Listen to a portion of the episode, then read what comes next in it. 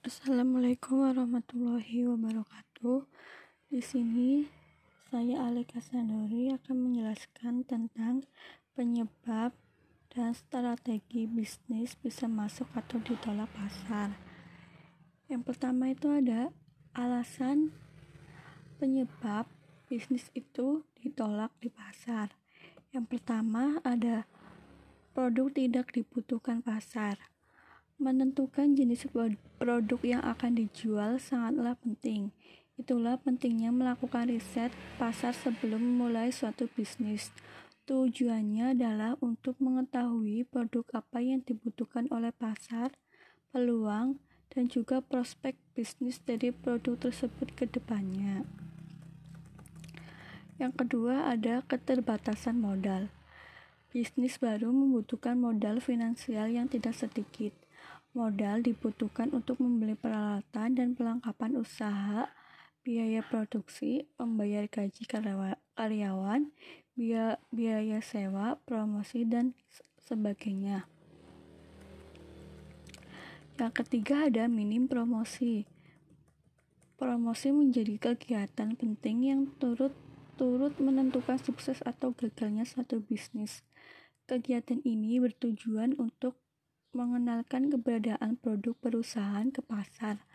Melalui promosi, perusahaan ingin menginformasikan tentang manfaat dan kualitas produk kepada para pada pasar terutama segmen yang dituju atau target pasarnya. Ada banyak cara yang bisa dilakukan untuk promosi produk. Sebut saja memasang iklan di suatu di surat kabar cetak, televisi, radio, dan media sosial.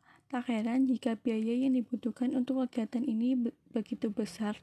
Dengan melakukan promosi secara gencar di berbagai media, produk akan lebih cepat dikenal oleh para oleh pasar dan umpan balik atas kegiatan tersebut juga lebih cepat diperoleh.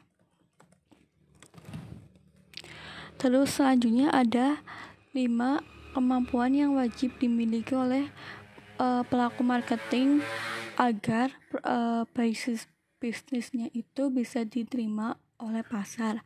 Yang pertama ada intention yaitu bagaimana cara agar orang menaruh perhatian pada produk yang sedang kita tawarkan. Yang kedua ada interest yaitu tentang bagaimanakah caranya agar calon pelanggan calon pelanggan tertarik dengan produk yang kita jual. Yang ketiga ada dessert yang artinya itu hasrat yang mana maksudnya bagaimana caranya seseorang itu seseorang marketer itu dapat menemukan hasrat pada calon pelanggan untuk kemudian membeli produk yang kita tawarkan. Terus yang keempat ada action. Action yang dalam bahasa Indonesia itu berarti aksi, merupakan cara di mana bagaimana pengarahan calon konsumen yaitu bagaimana mengarahkan calon konsumen agar akhirnya melakukan transaksi atau membeli produk tersebut.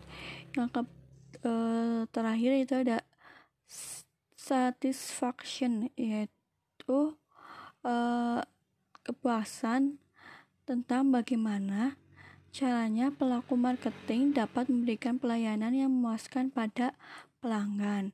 Ya, apabila lima poin di atas dapat uh, kita terapkan, maka barang dan jasa yang an yang Anda jual dapat dipastikan memiliki peluang yang amat besar untuk laku keras.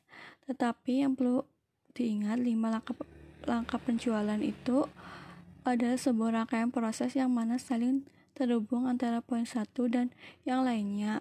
Mata rantai dari pola perilaku konsumen dari pertama saat kita menawarkan produk hingga kemudian terjadi penjualan dapat digambarkan secara sederhana yaitu tentang yaitu tentang yaitu memperhatikan lalu e, konsumen itu menarik tertarik dan timbul hasrat untuk membeli selanjutnya itu melakukan transaksi dan akhirnya itu uh, konsumen itu membeli produk kita dan memperoleh kepuasan. Mungkin eh, sekian. Wassalamualaikum warahmatullahi wabarakatuh.